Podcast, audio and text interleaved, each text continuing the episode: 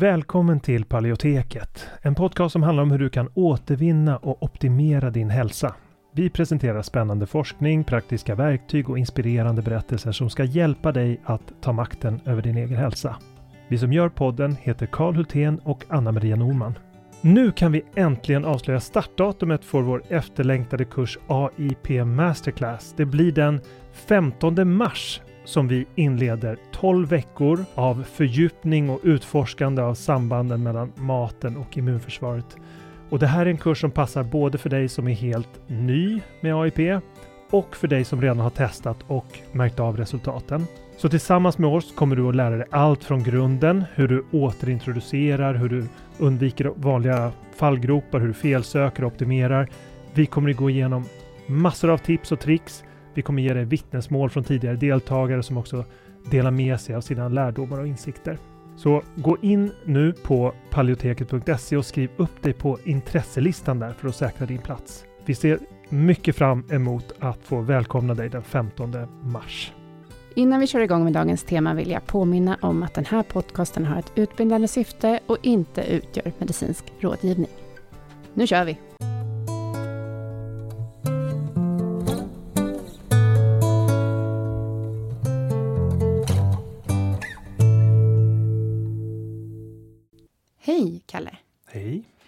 Kommit till Paleoteket. Det är Karl Hultén och Anna-Maria Norman som sitter här. God morgon! God morgon! Mm. Vi ska prata om vegetabiliska proteinkällor idag. Ja. Men eh, det kommer ifrån att det, det, det pågår en intensiv debatt om vad vi borde äta och inte borde äta. Och en del tycker att eh, vegetariska eller vegetabiliska proteinkällor borde ersätta kött. Och andra tycker att eh, vi borde fortsätta äta kött. Att människan eh, har ätit en blandkost under lång tid och så. Och vi kan väl säga att vi tillhör den gruppen. Mm. Men, så, kan alla, så kan alla som inte har den uppfattningen sluta lyssna på nej, och alla som inte tycker det kan fortsätta lyssna. Um, men såklart är vi intresserade av vad vetenskapen säger. Um, Mm. Men det finns ju också, så vi ska prata om de här vegetabiliska proteinkällorna idag och hur de kan påverka hälsan. Mm. Det finns såklart andra aspekter av det här, till exempel djurhållning ehm, och, ehm, och klimatfrågan. Och de aspekterna kring kött tycker vi också är viktiga. Och vi tar gärna upp dem senare. Men nu ska vi prata just om vegetabiliska proteinkällor och hälsa. Ja. Ehm, och hur de påverkar kroppen och hur man kan jämföra dem då med de animaliska. Det här avsnittet presenteras i samarbete med greatlife.se som erbjuder hälsokost och kosttillskott online. De fokuserar på kosttillskott som är så nära mat som möjligt, så kallad whole food, och som dessutom är fria från vanliga allergen som gluten, mjölkprodukter, soja, majs eller vete. Med koden Paleoteket får du 10% rabatt på alla deras produkter fram till sista december 2020. Besök greatlife.se och följ dem på Facebook och Instagram. På vår hemsida paleoteket.se under fliken Vi rekommenderar länkar vi bland annat till deras probiotikatillskott som vi tycker är väldigt bra. Så kika gärna in där om du letar efter en bra probiotika. Men för det första, varför behöver vi protein överhuvudtaget? Ehm, ja, protein behövs i stort sett till allt i hela kroppen. Det är som eh, ja, protein är själva byggsten, byggstenen i kroppen, men Mm, parallellt med det så är den också verktyget som kroppen använder för att utföra alla sina processer. Så att eh, kroppen består, både består av proteiner och fungerar med hjälp av proteiner. Så det är proteiner som läker våra skador, eh, reglerar vår sömn, bryter ner maten vi äter, eh, eh avgiftar eh, kroppen i, i leverns proteiner och eh, hela hjärnans arbete egentligen konstruerat av proteiners arbete. Så eh, när proteiner slits ut så, så eh, lämnar de kroppen med urinen och därför måste vi hela tiden tillföra nytt protein för att kroppen ska funka. Eh, och eh, det är väl det, i, i, i det sammanhanget som det blir viktigt att ställa sig frågan, spelar det någon roll varifrån vi får vårt protein och vad, vad skiljer dem åt? Och vi har ju under de senaste åren arbetat med att hjälpa människor med, med kroniska sjukdomar att återvinna hälsan. Och i det arbetet så har vi noterat en överrepresentation av personer som baserat sin kost på vegetabiliska proteinkällor.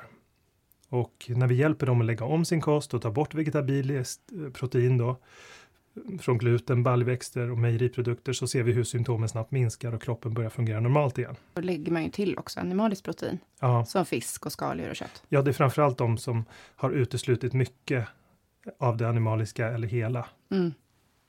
Men, och när eh, man utesluter animaliskt helt, då är det ju vegansk kost och då är det inte ägg och mejeri heller. nej, Men en vegetarisk kost innehåller ju äh, ägg och mejeri. ja, precis. Så det är lite skillnad på de två också. Ja, alltså bland vegetarianer så är mejeriprodukter och ägg väldigt populära Mm. eh, proteinkällor för att de har hög proteinkvalitet och hög biologisk tillgänglighet som vi återkommer till längre Mm. fram.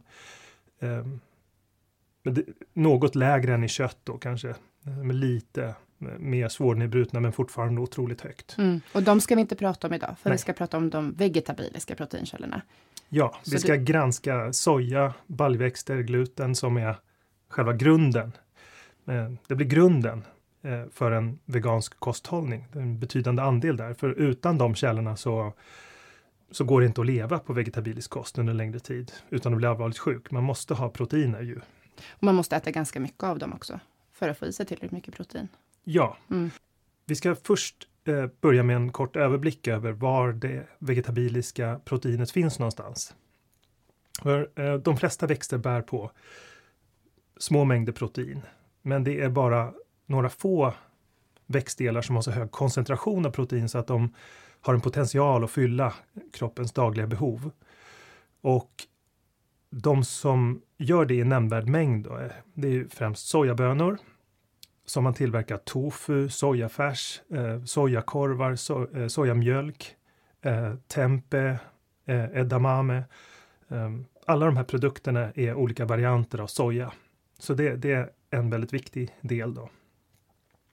Vid sidan av det så har vi bönor och baljväxter som kidneybönor, kikärtor, pintobönor, ehm, en lång rad andra. Vi har också linser, eh, seitan som är eh, glutenprotein, eh, hampa proteinpulver och eh, ärtprotein i olika former, både hela ärtor och eh, raffinerat. Sen finns det också mindre mängder protein i amarant, quinoa, havre, ris, chia, spelt, teff, nötter och nötsmör, jästextrakt och spirulina. Men mängderna man använder av dem och andelen protein som finns där brukar, är, är så antingen så, så an, låg andel protein eller så är det så lite man använder i praktiken av nötsmör till exempel. Så att där blir det inte en betydande proteinkälla utan de första jag nämnde eh, soja, bönor, linser, alltså baljväxter, eh, seitan, hampa och ärtor är ju de huvudkällorna som finns. Vad man kan säga om de vegetabiliska proteinerna är att de ändå har mycket gemensamt med varandra. Så det blir ju lätt att prata om, ganska lätt att prata om dem som en grupp. Men jag undrar lite om det finns någon av de här som du skulle säga är värst och någon som är bäst. Eh, det är svårt att säga entydigt eftersom de har olika för och nackdelar som betyder olika mycket för olika personer och en hel del avgörs av individuella känsligheter. Men det generella draget är att sojaprodukterna och seitan skulle jag eh, säga är bland de sämre alternativen.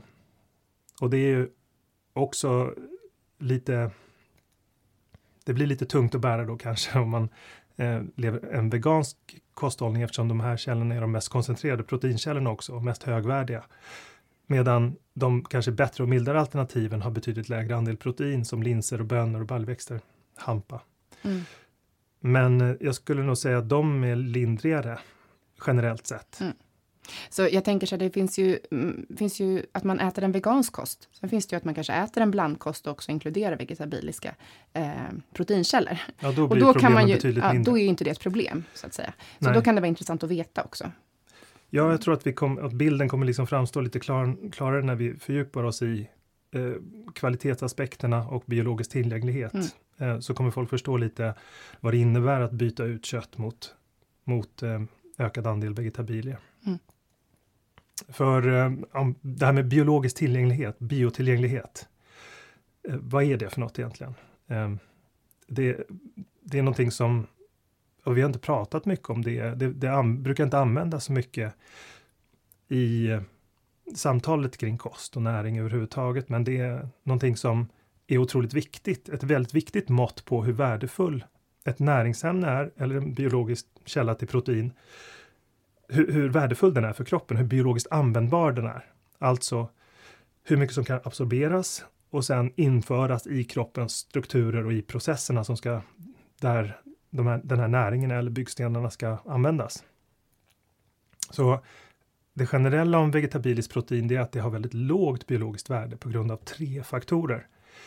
För det första så finns det en för låg andel protein för att kunna i en normal kost täcka proteinbehovet för bästa möjliga hälsa. Det är möjligt att man kan klara hälsan, men att det drabbar, alltså man, man kan leva och klara vardagen, men man kanske inte har så bra hälsa som man skulle kunna ha. För det andra, att där finns för lite av de mest värdefulla aminosyrorna. Och för det tredje att det, de inte tas upp i lika hög grad som animaliskt protein. Mm. Och då kanske vi bara ska säga att protein består av aminosyror. Av 20 aminosyror, varav vilka, några stycken, åtta tror jag, är essentiella. Som, vi, som vi måste få i oss via kosten. Nio. Mm. Okej, du nämnde tre eh, aspekter som var viktiga. Finns det något mer som är viktigt? Ja, alltså det första exemplet jag tog där, den första punkten, att det här med för låg andel protein, det är att eh, alltså anledningen till varför det är viktigt är att alltså proteinbrist, eh, det får med tiden allvarliga konsekvenser. Kroppen börjar använda muskelmassa och bryter ner både muskel och benstomme för att utföra väldigt viktiga processer i kroppen. Alltså det finns vissa processer som är essentiella och då kan muskelmassa och benstomme som består av protein offras för, att, för att eh, tillgodose de processerna. Så det betyder att läkningsprocesser och återhämtning det avstannar.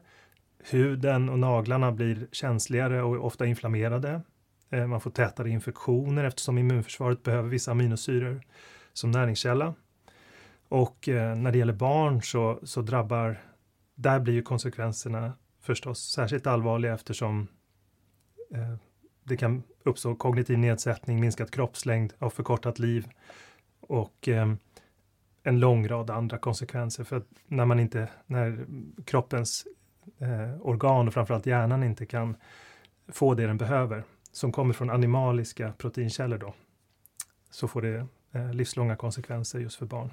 Ja, men för nu pratade vi om hur mycket protein man får i sig. Eh, mm. Så när man äter en vegansk kost så behöver man vara väldigt medveten om att man får i sig tillräckligt mycket protein. Mm.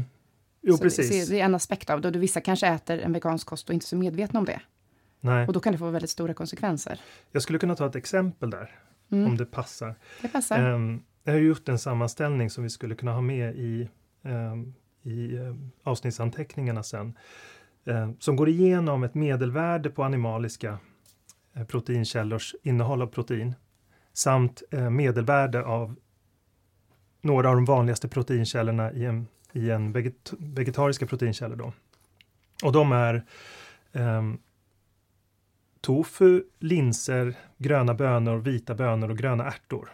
Så jag har dragit ett medelvärde av proteininnehållet i dem. Och jag har också dragit ett medelvärde av animaliska eh, proteinkällor som är rostbiff, grillad kyckling, makrill, krabba och nötlever. Och det man kan se då är för att täcka sitt Eh, säg att vi har en, en kvinna som är mellan 30 och eh, 18 och 30 och som tränar. Då enligt Livsmedelsverket så ska hon äta mellan 63 och 125 gram protein per dag. Om vi, drar ett, om vi lägger oss i mitten där eh, så säger vi 94 gram då. Bara för att ha något att räkna på. Och vi eh, säger att eh, som vi ska komma till senare så absorberas mellan 50 och 80 procent av det protein som kommer från de vegetariska källorna som jag nämnde. Det betyder att om vi lägger oss i mitten där också, så ett medelvärde av det så har vi ungefär 65 procent. Ehm, så 65 procent av det proteininnehåll som finns eh, betyder att hon skulle behöva äta 2,4 kilo. Om en kvinna som tränar behöver äta 2,4 kilo av tofu, linser, gröna bönor, vita bönor och gröna ärtor per dag för att täcka ett behov som gör att hon återhämtar sig, och läker och kan fortsätta träna. Och det här är ju, det är ju såklart orimligt. Det finns ingen som gör det. Och i praktiken om du ska ta och ersätta de animaliska fullt ut med den typen av vanligt använda proteinkällor som vi har här. så blir man i praktiken beroende av isolerat protein från raffinerade källor och produkter, helt enkelt.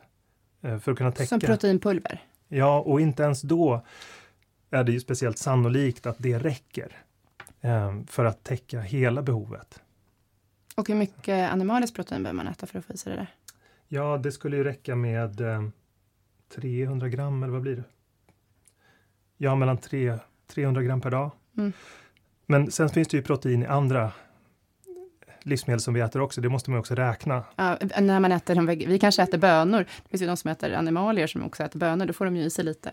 Ja, eller, precis. eller ris då, och, som och det finns har... ju i ris och det finns i bröd och det Mm. finns i spannmål. Men det tas inte heller upp till mer än 50 till 80 procent. Mm. ehm, tyvärr. Mm. Så Ja, men det var Det värst. med- 2, någonting kilo. 2,4 kilo. Och det, det är då Mm. väldigt proteinrika, det är de proteinrikaste källorna som vi Mm. pratar om då. Så att proteinkvalitet, det betyder minst lika mycket som, eh, som, som kvantitet. Alltså, Mm. ehm, för det, det kanske vi också borde gå in på, att protein består ju av de här 20 aminosyrorna som där kroppen inte behöver lika mycket av alla. Mm. Det är en annan aspekt som inte ens är med i de här grammen som vi har räknat Det nu. vi pratade om nu var proteinkvantitet. Det är Och kvantitet. nu ska vi komma in på proteinkvalitet. Som har att göra med aminosyrorna. Ja, men precis. Mm. Och det här betyder ju att sammansättningen av ett protein, alltså eh, den profil av olika aminosyror som finns där, eh, avgör hur väl kroppen kan använda eh, proteinet i fråga för att utföra sina processer. Och de essentiella när, eh, aminosyrorna, de finns i varierande grad i de eh, vegetabiliska. De finns i, i, i ett mönster som passar väldigt bra i de animaliska, men i de vegetabiliska så passar det betydligt sämre. Med människokroppen. Ja, Eh, precis. Mm. Och ett exempel på det är ju ja, exempelvis histidin då. Där medelvärdet ehm, för de här proteinkällorna som jag nyss nämnde är eh, 152 milligram eh, är ett medelvärde, men där några, utmärk, några källor utmärker sig som bönor, till exempel gröna bönor har till exempel nästan ingenting alls. Medan, och vita bönor och gröna ärtor har väldigt lågt, den enda som har hög är linser där. Eller högt, det är inte högt, det är 254. Um, ehm, och så 152 är medelvärdet och det dagliga behovet som är absolut för att, för att absolut undvika sjukdom, alltså inte ett optimalt intag utan bara för att inte få akut proteinbrist. Det är eh, 840. Så att de här källorna är inte väl, de, det är som att försöka klämma in eh, handen i eh, det, det är inte en handske som handen är gjord för, så att Mm. säga. Det, aminosyraprofilen passar inte med behovet. 840 eh, milligram, var det histidin som man skulle ha? Ja, det är bara dag? ett exempel, Mm. men det finns flera. Eh, vi har med ett, en tabell som visar alla de essentiella aminosyrorna och vad som finns i, i vegetabilierna och vad kroppen behöver Mm. eh, i rekommenderat dagsintag. Men alltså om man bara tar kring histidin där, ehm, om man tar exempel då på makrill, eh, då innehåller det 867 mikro, eh, milligram per, är det per 100 gram det här du, som man räknar Ja. ut? Ja. Medans då, man jämför det då med, med linser som innehåller 258, som är Mm. den högsta där. Så det är ju en väldigt stor skillnad. Ja, så, så det räcker ju med ganska lite kött, fisk eller fågel så kan man ju direkt täcka dagsbehovet. Bara av, med en enda portion så har du täckt det grundläggande behovet. Mm. Medan du behöver äta tre portioner för att täcka bara det grundläggande dagsbehovet. Du be, eh, om du använder vegetabilier. Mm. Det är ungefär den, de graderna av skillnad. Sen är det ju inte som, alltså kött väger ganska mycket. Så att på tallriken så blir det väldigt mycket, ehm, till exempel linser man behöver. Alltså så, Ja. för det väger inte så mycket heller. Nej, Nej men fem, fem portioner menar jag, inte tre. Mm. Ja, okej. Ehm, så vi var inne på det lite alldeles nyss och det är ju det här med att vad som inte syns i tabellen är ju hur mycket som absorberas i tarmen. Och när det gäller protein från soja, ärtor och spannmål så absorberas omkring 50 till 80 procent bara. Och det beror på de här antinutrienterna som, som då hindrar upptaget och att växtceller är eh, uppbyggda med en cellvägg som djurceller och växtceller skiljer sig på det sättet att växtceller har en väldigt en hård cellvägg som är motståndskraftig mot magens enzymer och det skyddar ju då det som finns i cellerna, nämligen näringen och proteinet och kolhydraterna mot magens enzymer. Mhm. Så en betydande andel av vegetabiliskt protein blir kvar i tunntarmen hela vägen ner till tjocktarmen. Och på vägen så, så riskerar det att irritera tarmen och orsaka exempelvis bakteriell överväxt. Eh, och när det kommer ner i tjocktarmen så fermenterar det till gaser vilket kan orsaka besvär och IBS. Det beror till viss del också på att de här proteinerna i växter är uppbyggda för att försvåra nedbrytningen. Alltså att själva proteinstrukturen i sig är konstruerad på ett sådant sätt att de är motståndskraftiga mot enzymerna som magen har för att bryta ner proteiner som proteinsaxarna som ska klippa ner proteiner till aminosyror. De passar väldigt dåligt för vegetabiliskt protein. När det gäller kött och ägg och mjölk så absorberas de till mellan 95 och 98 procent. Medan det finns eh, skillnader i raffinerade växtprodukter när man mal ner de här cellväggarna och gör det tillgängligt, alltså raffinerade produkter av växtprotein, så kan 80 till 90 procent absorberas. Men det gäller ju då glutenprotein, sojaisolat, vetemjöl och sådana produkter. Eh, Men de har ju istället andra allvarliga biverkningar. Mm. Ja, men så, så man tänker sig då eh, sojaprodukter till exempel. Mm. De kanske är gjorda av sån här sojaisolat, eller? Alltså typ sojafärs och sånt. Så då är ju ändå upptaget större, alltså högre. Ja, 80 nu har ju soja andra... Jo, jo, men man måste ju Ja. ändå ge, alltså man kan ju ändå... Jo, precis. Ja. Tofu är ju så. Så, så håller det här argumentet då när det gäller upptaget, ehm, då kan vi inte hävda 50 procent där, utan kanske 50 till 80, utan 80 till 90 när det gäller de produkterna i så Ja, fall. det här är otroligt svårt att... Eh, det här är otroligt svårt att säga exakt eftersom Mm. det skiljer sig mellan varje livsmedel. Ja. Men det, jag tror det är viktigt att känna till principerna. Mm. Alltså, i de naturligare formerna så finns det eh, så, eh, så är växtcellerna intakta. De är bättre för hälsan, men de är svårare att ta upp. I de raffinerade formerna så har vi de absolut värsta. Vi har gluten och sojaprodukterna som är dåliga av helt andra skäl. Mm.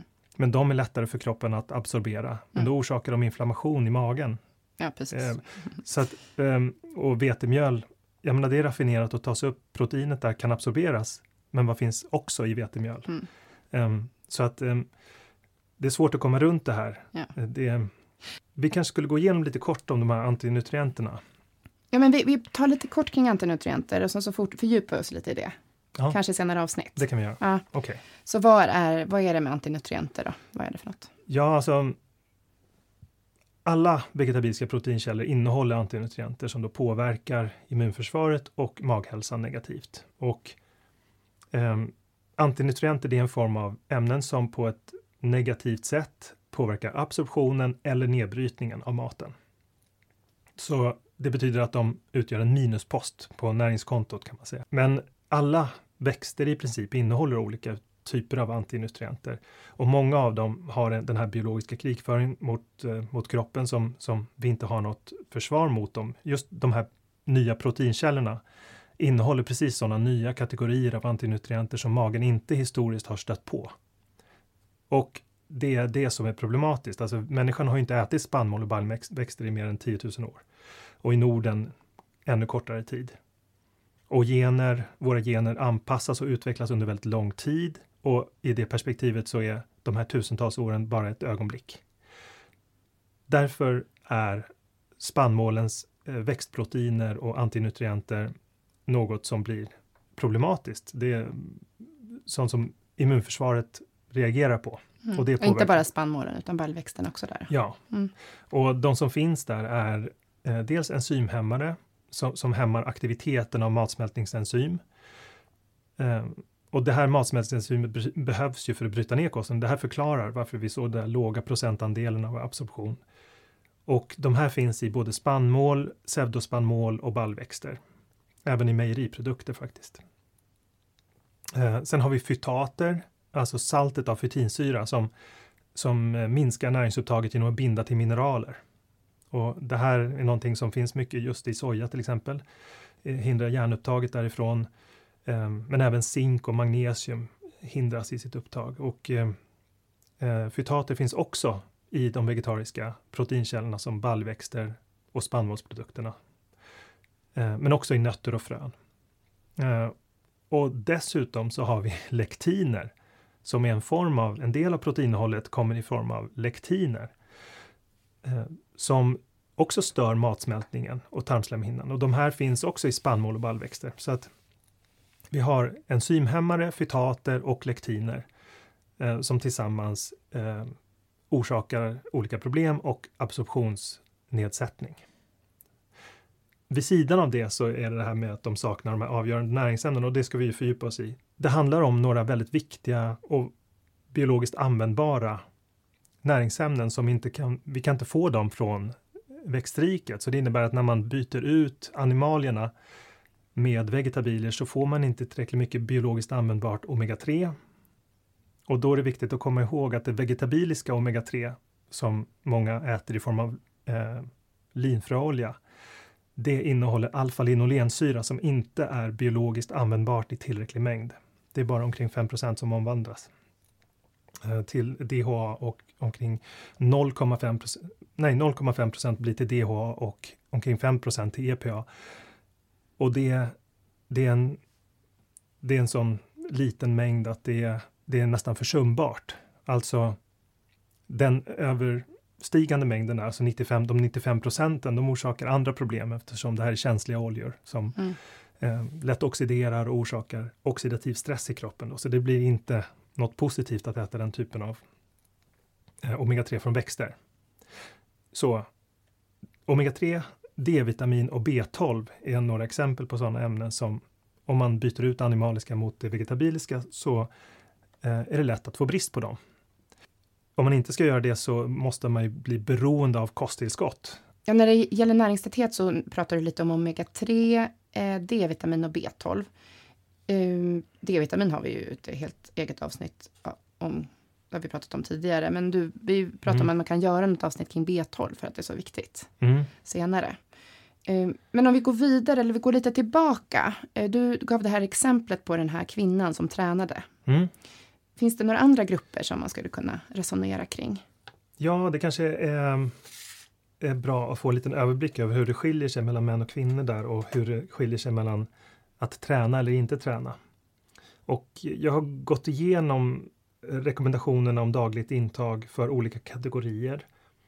Och eh, konsensus för eh, när, när man tränar hårt så eh, finns det ett konsensus om eh, att optimal återhämtning och kvävebalans nås någonstans mellan 1,3 och 1,8 gram per kilo kroppsvikt. Vilket betyder att en man som tränar hårt behöver äta någonstans mellan 110 och 170 gram per dag. Och det ska då tillgodoses av källor som i medeltal har ett upptag av 3,8 gram när man räknar i det biologiskt tillgängliga upptaget. Alltså den totala medelmängden av de här proteinkällorna som jag nämnde som är vanliga är 3,8 gram tillgängligt protein efter man har räknat per bort 100 gram. Per 100 gram, när man har räknat bort det som inte absorberas. Och det betyder ju att det är helt enkelt inte möjligt att ens komma i närheten av 110 till 170 för en man som tränar hårt. Så det kan man nästan glömma där. Då måste man ha, då måste man ha stora mängder eh, proteinprodukter, prote, proteinisolat.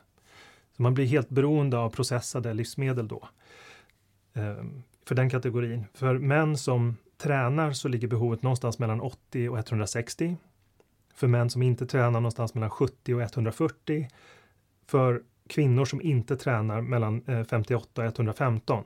Nu pratar vi gram per dag. Gram per dag. Mm. Och egentligen så för alla de här grupperna så blir det en utmaning att med icke raffinerade växtbaserade proteinkällor nå sitt proteinbehov. Det, det blir svårt. Om vi nämner till exempel tofu, linser, gröna bönor, vita bönor och gröna ärtor. Och tofu är ju processat. Eh, så att om man då vill äta icke-processat så är, jag skulle påstå att det är helt omöjligt med icke-processade proteinkällor från växtriket. Att nå de här proteinintagen som, som rekommenderas, som, som sammanfattar eh, forskningens konsensus kring det dagliga behovet. Var det Livsmedelsverkets rekommendationer? Livsmedelsverket för Eh, jag har två olika källor som anges. Dels Livsmedelsverkets nordiska näringsrekommendationer för 2013 och sen eh, National Research Councils Committee. Och det här är några, det kommer ju ut med jämna mellanrum nya rekommendationer som uppdateras baserat på forskningsläget. Mm. Men baserat på de rekommendationerna som, som är det är baserat på forskning kring hur idrottsmän klarar sig med olika grad av proteinintag och så. Mm. Um, så um, är det inte med vegetabiliska källor möjligt att uppnå dem. De, det måste till animaliska källor. Ja. Och om man bara ska liksom resonera lite kring vad det innebär så är det det så här, väljer man att äta en helt vegansk kost, mm. då blir det ju de här konsekvenserna.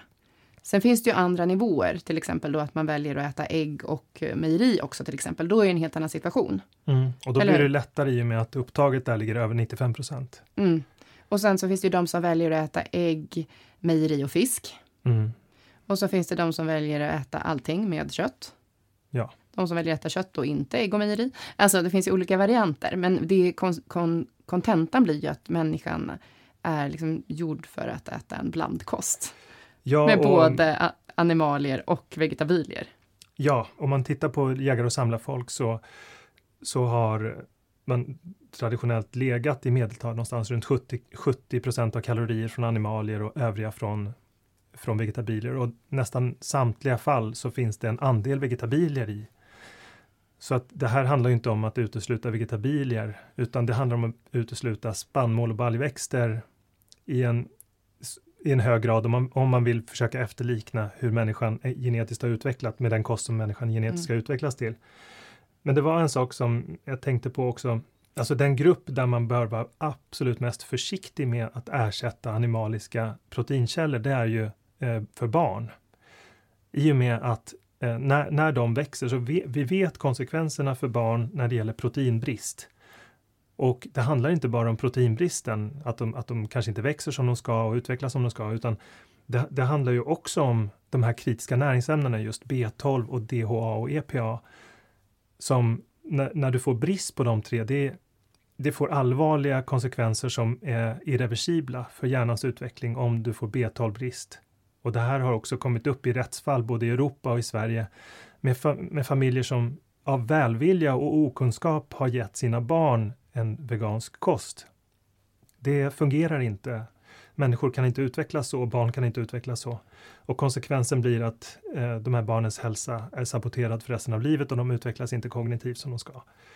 Eh, så det här är någonting som borde komma upp i samtalet kring köttfria måndagar och eh, att byta ut köttet i skolor. Det är ett ogenomtänkt och faktiskt inte faktabaserat förfarande, alltså mm. att hålla på så. Nej, och nu är det den här processen av de här nordiska näringsrekommendationerna som är på gång. Mm. Som vi haft poddavsnitt tidigare med Sandra Ove.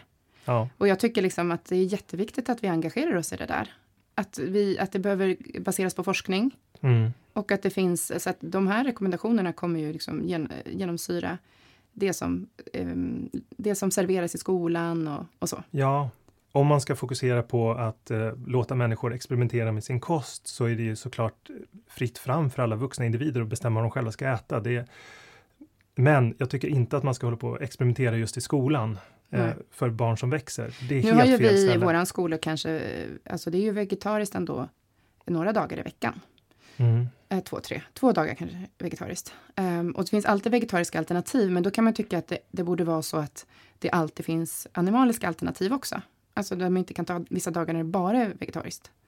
Ja, man... jag, jag har väl uppfattningen att det borde inte finnas något ersättande överhuvudtaget av animaliska alternativ i skolan, utan det kan man jobba med i andra delar mm. av det offentliga. Om man, om man nu vill ha det som en del av eh, Alltså att det offentliga inte ska, eh, ska spara pengar eller så, så borde man göra de besparingarna på annat håll. Inte ja, ja, men växer. sen måste ju de som har valt att äta vegetariskt eller veganskt få göra det i skolan, tycker jag. Det här kan vi tycka olika. Man kan ju inte tvinga, ja. på, tvinga på familjer som har valt att äta vegetariskt att äta animalier. Det går inte. Man kan inte tvinga på um, de barnen som vill äta animalier att äta vegetabilier. Eller vegetab Nej, det är det jag menar. Det är precis det jag menar. Ja, det var det du menade. Jag tänkte väl, jag blev lite förvånad. men, men, men jag känner att då gör de ju det och i vissa skolor så har de tagit bort uh, animalier helt. Ja. Det finns ju sådana exempel. Ja, precis. Så det är lite det man är rädd för att det ska kunna leda dit. Ja, men det blir en lång utvikning här på en tangent. Vi kanske ska börja bara sammanfatta lite kort innan vi eh, mm, avslutar. Just det. Vad var det vi har pratat om? Jag skrev några punkter. Alltså, mm. Om man ska sammanfatta, vegetabiliskt protein innehåller för lite av de aminosyror som kroppen behöver och för, och för mycket av andra aminosyror som kroppen inte behöver för att vara bra källor till protein. Vegetabiliskt protein innehåller inte tillräckligt mycket protein för att täcka det dagliga behovet. En betydande andel av det protein som finns i vegetabilier kommer inte kroppen till godo eftersom det inte absorberas väl. Och dessutom bär vegetabiliskt protein med sig antinutrienter som hindrar upptaget av protein och mineraler samtidigt. Och att antinutrienterna i de vegetabiliska proteinkällorna försämrar maghälsan och bidrar till inflammatoriska sjukdomar som, som vi också ska gå igenom i senare avsnitt. Bra! Ja. Tack så mycket för att du har lyssnat på det här avsnittet av Paleoteket. Vi hoppas att det har varit till nytta för dig. Om du vill få hjälp att uppnå dina hälsomål står vi redo att hjälpa dig. Vårt medlemskap Hälsodetektiverna är en gemenskap online där du träffar likasinnade, får hälsoinspiration hela året och kan ställa frågor direkt till oss på våra medlemsseminarier. Nu under våren startar också två onlinekurser. AIP Masterclass är kursen för dig som vill lära dig allt du behöver veta om kostupplägget AIP, autonomt protokoll, samtidigt som du blir guidad genom en stegvis process med både läkningsfas, utvärdering och återintroduktioner. Sen har vi kursen Maghälsa på djupet som riktar sig till dig med IBS och misstänkt eller konstaterad SIBO. Vi fokuserar helt på vad du kan göra med kost, livsstil och strategiskt utvalda kosttillskott. För dig som föredrar att läsa finns också våra fyra böcker. Besök paleoteket.se för att veta mer och glöm inte att prenumerera på vårt nyhetsbrev. Du hittar länkar i beskrivningen till podcastavsnittet.